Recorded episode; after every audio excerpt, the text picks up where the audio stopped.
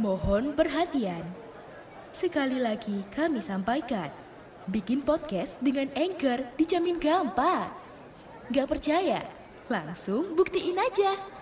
Anchor, teman setia podcaster.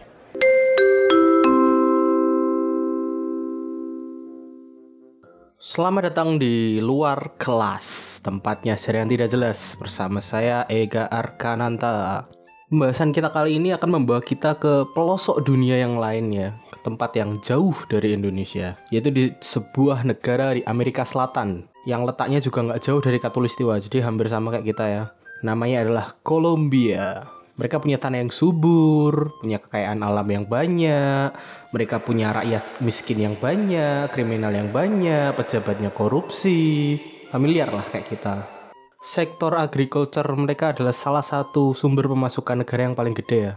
Mulai dari kelapa sawitnya, tebu, pisang, nanas, coklat, kopi, apukat, dan rasa-rasa roti gembong yang lainnya tuh mereka ngekspor ke dunia gitu loh. Tapi kalau ngomongin Kolombia pasti tidak akan lepas dari uh, salah satu produk andalan mereka ya, sebuah produk herbal yang bernama kokain. Kolombia ini terkenal banget sama kualitas kokainnya karena uh, mereka kebetulan juga punya pegunungan Andes di mana tanaman koka bahan dasarnya kokain tuh asalnya dari sana. Endemik lah mereka jadi punya tanaman sendiri gitu. Tanaman khas mereka adalah tanaman penghasil narkoba. Mantap gak? Dan kalau ada bahan dasarnya, uh, tentu saja kualitasnya bagus. Kalau begitu tentu saja dijual dong. Kalau kualitasnya bagus, masa dipakai sendiri terus meninggal nanti mereka nggak punya duit. Narkoba di Kolombia ini nggak lepas dari yang namanya uh, Pablo Escobar ya. Selain terkenal karena uh, jadi sumber pemasukannya Netflix, dia juga adalah rajanya kokain. Karena kalau rajanya ayam KFC ya. Pablo Escobar ini aktif di dunia narkoba antara tahun 1970-an sampai uh, dia meninggal di tahun 1993. Dan sampai saat ini dia juga masih memegang rekor sebagai kriminal paling kaya di dunia. Kalau dihitung inflasi sekarang tuh sekitar 70 miliar dolar. Itu kalau buat ngebangun IKN ya, IKN tuh cuma butuh sekitar 32 miliar kalau nggak salah proyeksinya Bapak Jokowi ya. Jadi uang dia kalau buat bangun IKN tuh jadi dua kali, itu penyisa. Uh, tapi kita nggak akan fokus sama karir sama kehidupannya dia soalnya yang bahas sudah banyak banget kalian kalau penasaran bisa nonton Narcos ya di Netflix ada tiga season saya nggak promo Netflix ya tapi karena serialnya bagus jadi silahkan dilihat kalau kalian penasaran sama kehidupannya Pablo Escobar. Yang kita bahas ini adalah peninggalannya dia atau lebih tepatnya tuh eh, bekas rumahnya dia tempat tinggalnya dulu selama dia hidup. Namanya adalah Hacienda Napoles atau ya ini ya nanti ada bahasa Spanyolnya ya. Hacienda Napoles adalah sebuah kompleks mewah yang berukuran sekitar 20 km persegi atau sekitar 200 eh 200 2000 hektar. 2000 hektar ya luas sekali seperti pembukaan jalan tol lahannya. Walaupun bukan satu-satunya rumahnya Pablo Escobar jadi dia kan kaya, rumahnya banyak ya. Tapi kompleks ini sepertinya yang jadi favoritnya dia selama hidup karena dia paling sering ngabisin waktunya di sini lahan ini tuh dibeli Pablo Escobar tahun 1978 dan awalnya tuh cuma mention gitu rumah gede yang bekas miliknya kolonial Spanyol. Terus sama bangunan-bangunan kecil lainnya kayak uh, apa tuh namanya ranch. Ranch itu apa sih? Uh, kayak tempat kuda gitu gitu loh. Bagian bangunan-bangunan kecil-kecil lainnya lah.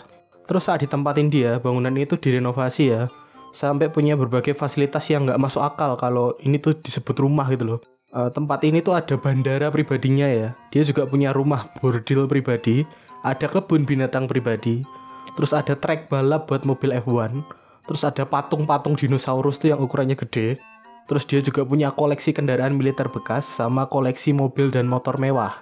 Ini lebih mirip jati pakai daripada rumah sebenarnya.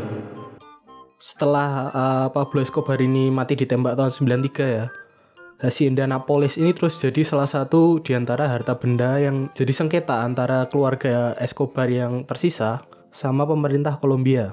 Di pengadilan ini yang menang adalah pemerintah Kolombia setelah sengketa tadi ya. Kompleks ini tuh akhirnya diserahkan ke pengelolaannya ke pemerintahan kota setempat sampai tahun 2006 di mana pengelolaan ini diambil alih sama pemerintah pusat Kolombia terus disewakan ke pihak swasta di mana kompleks bekas rumah kriminal ini sekarang beroperasi sebagai taman hiburan ya.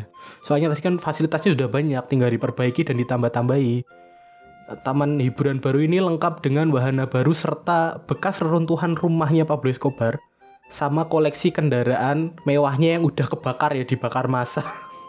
Nah, jadi kalau para petani koka tadi atau para penjual narkoba di sana tuh kalau mau healing, bosen gitu ya kerja, itu mereka bisa uh, berwisata ke salah satu rumah gembong narkoba paling terkenal di dunia, terus uh, melihat masa depan mereka ya kalau nggak segera tobat tuh mereka akan rumahnya runtuh, mobilnya dibakar, kalau nggak meninggal duluan.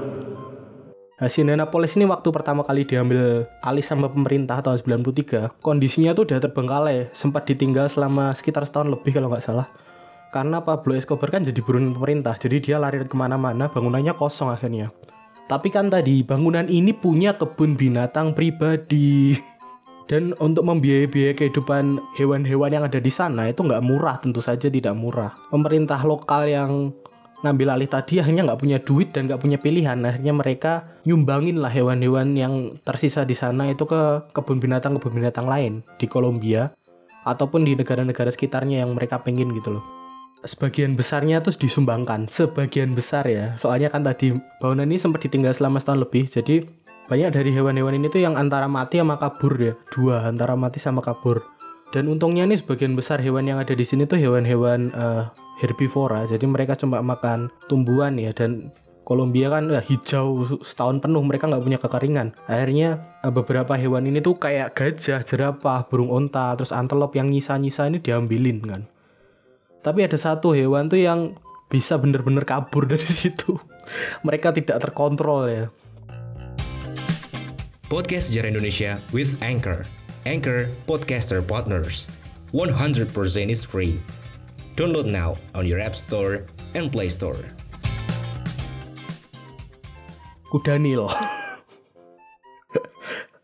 Pablo Escobar ini punya kudanil ngapain gitu loh. Kan e, mereka tinggal di kolam ya, kudanil kan tinggal di air.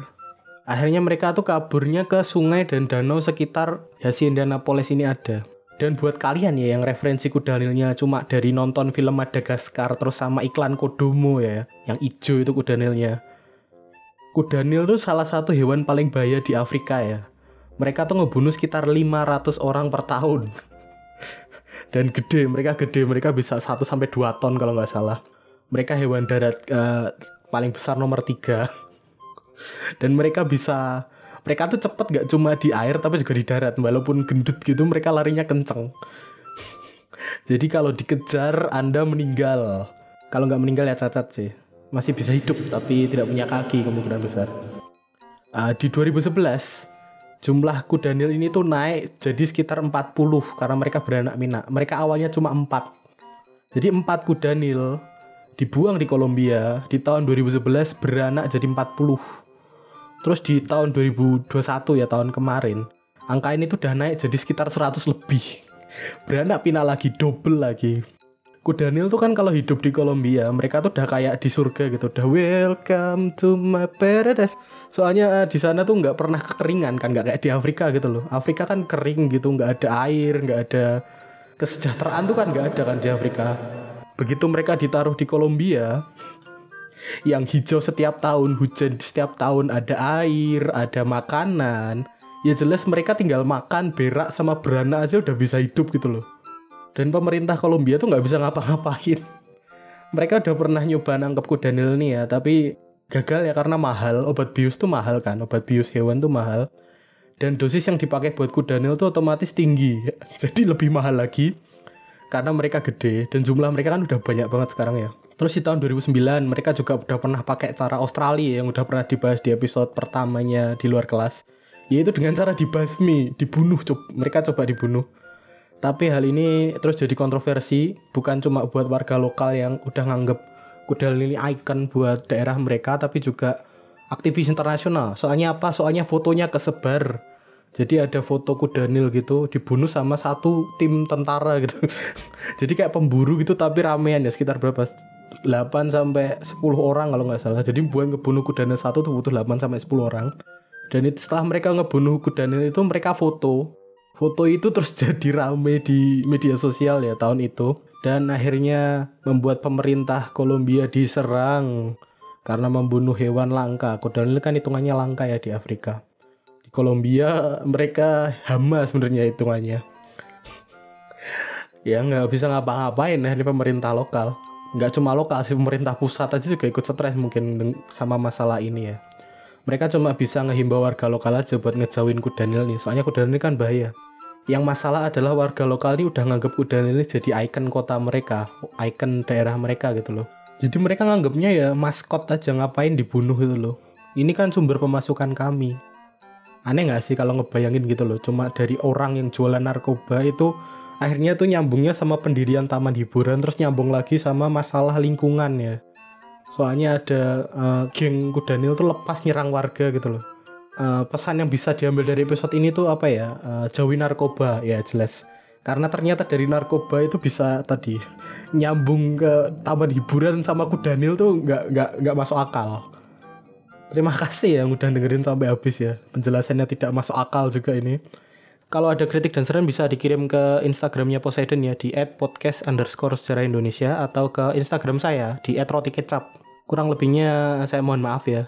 Saya Garkan pamit undur diri. Bye bye.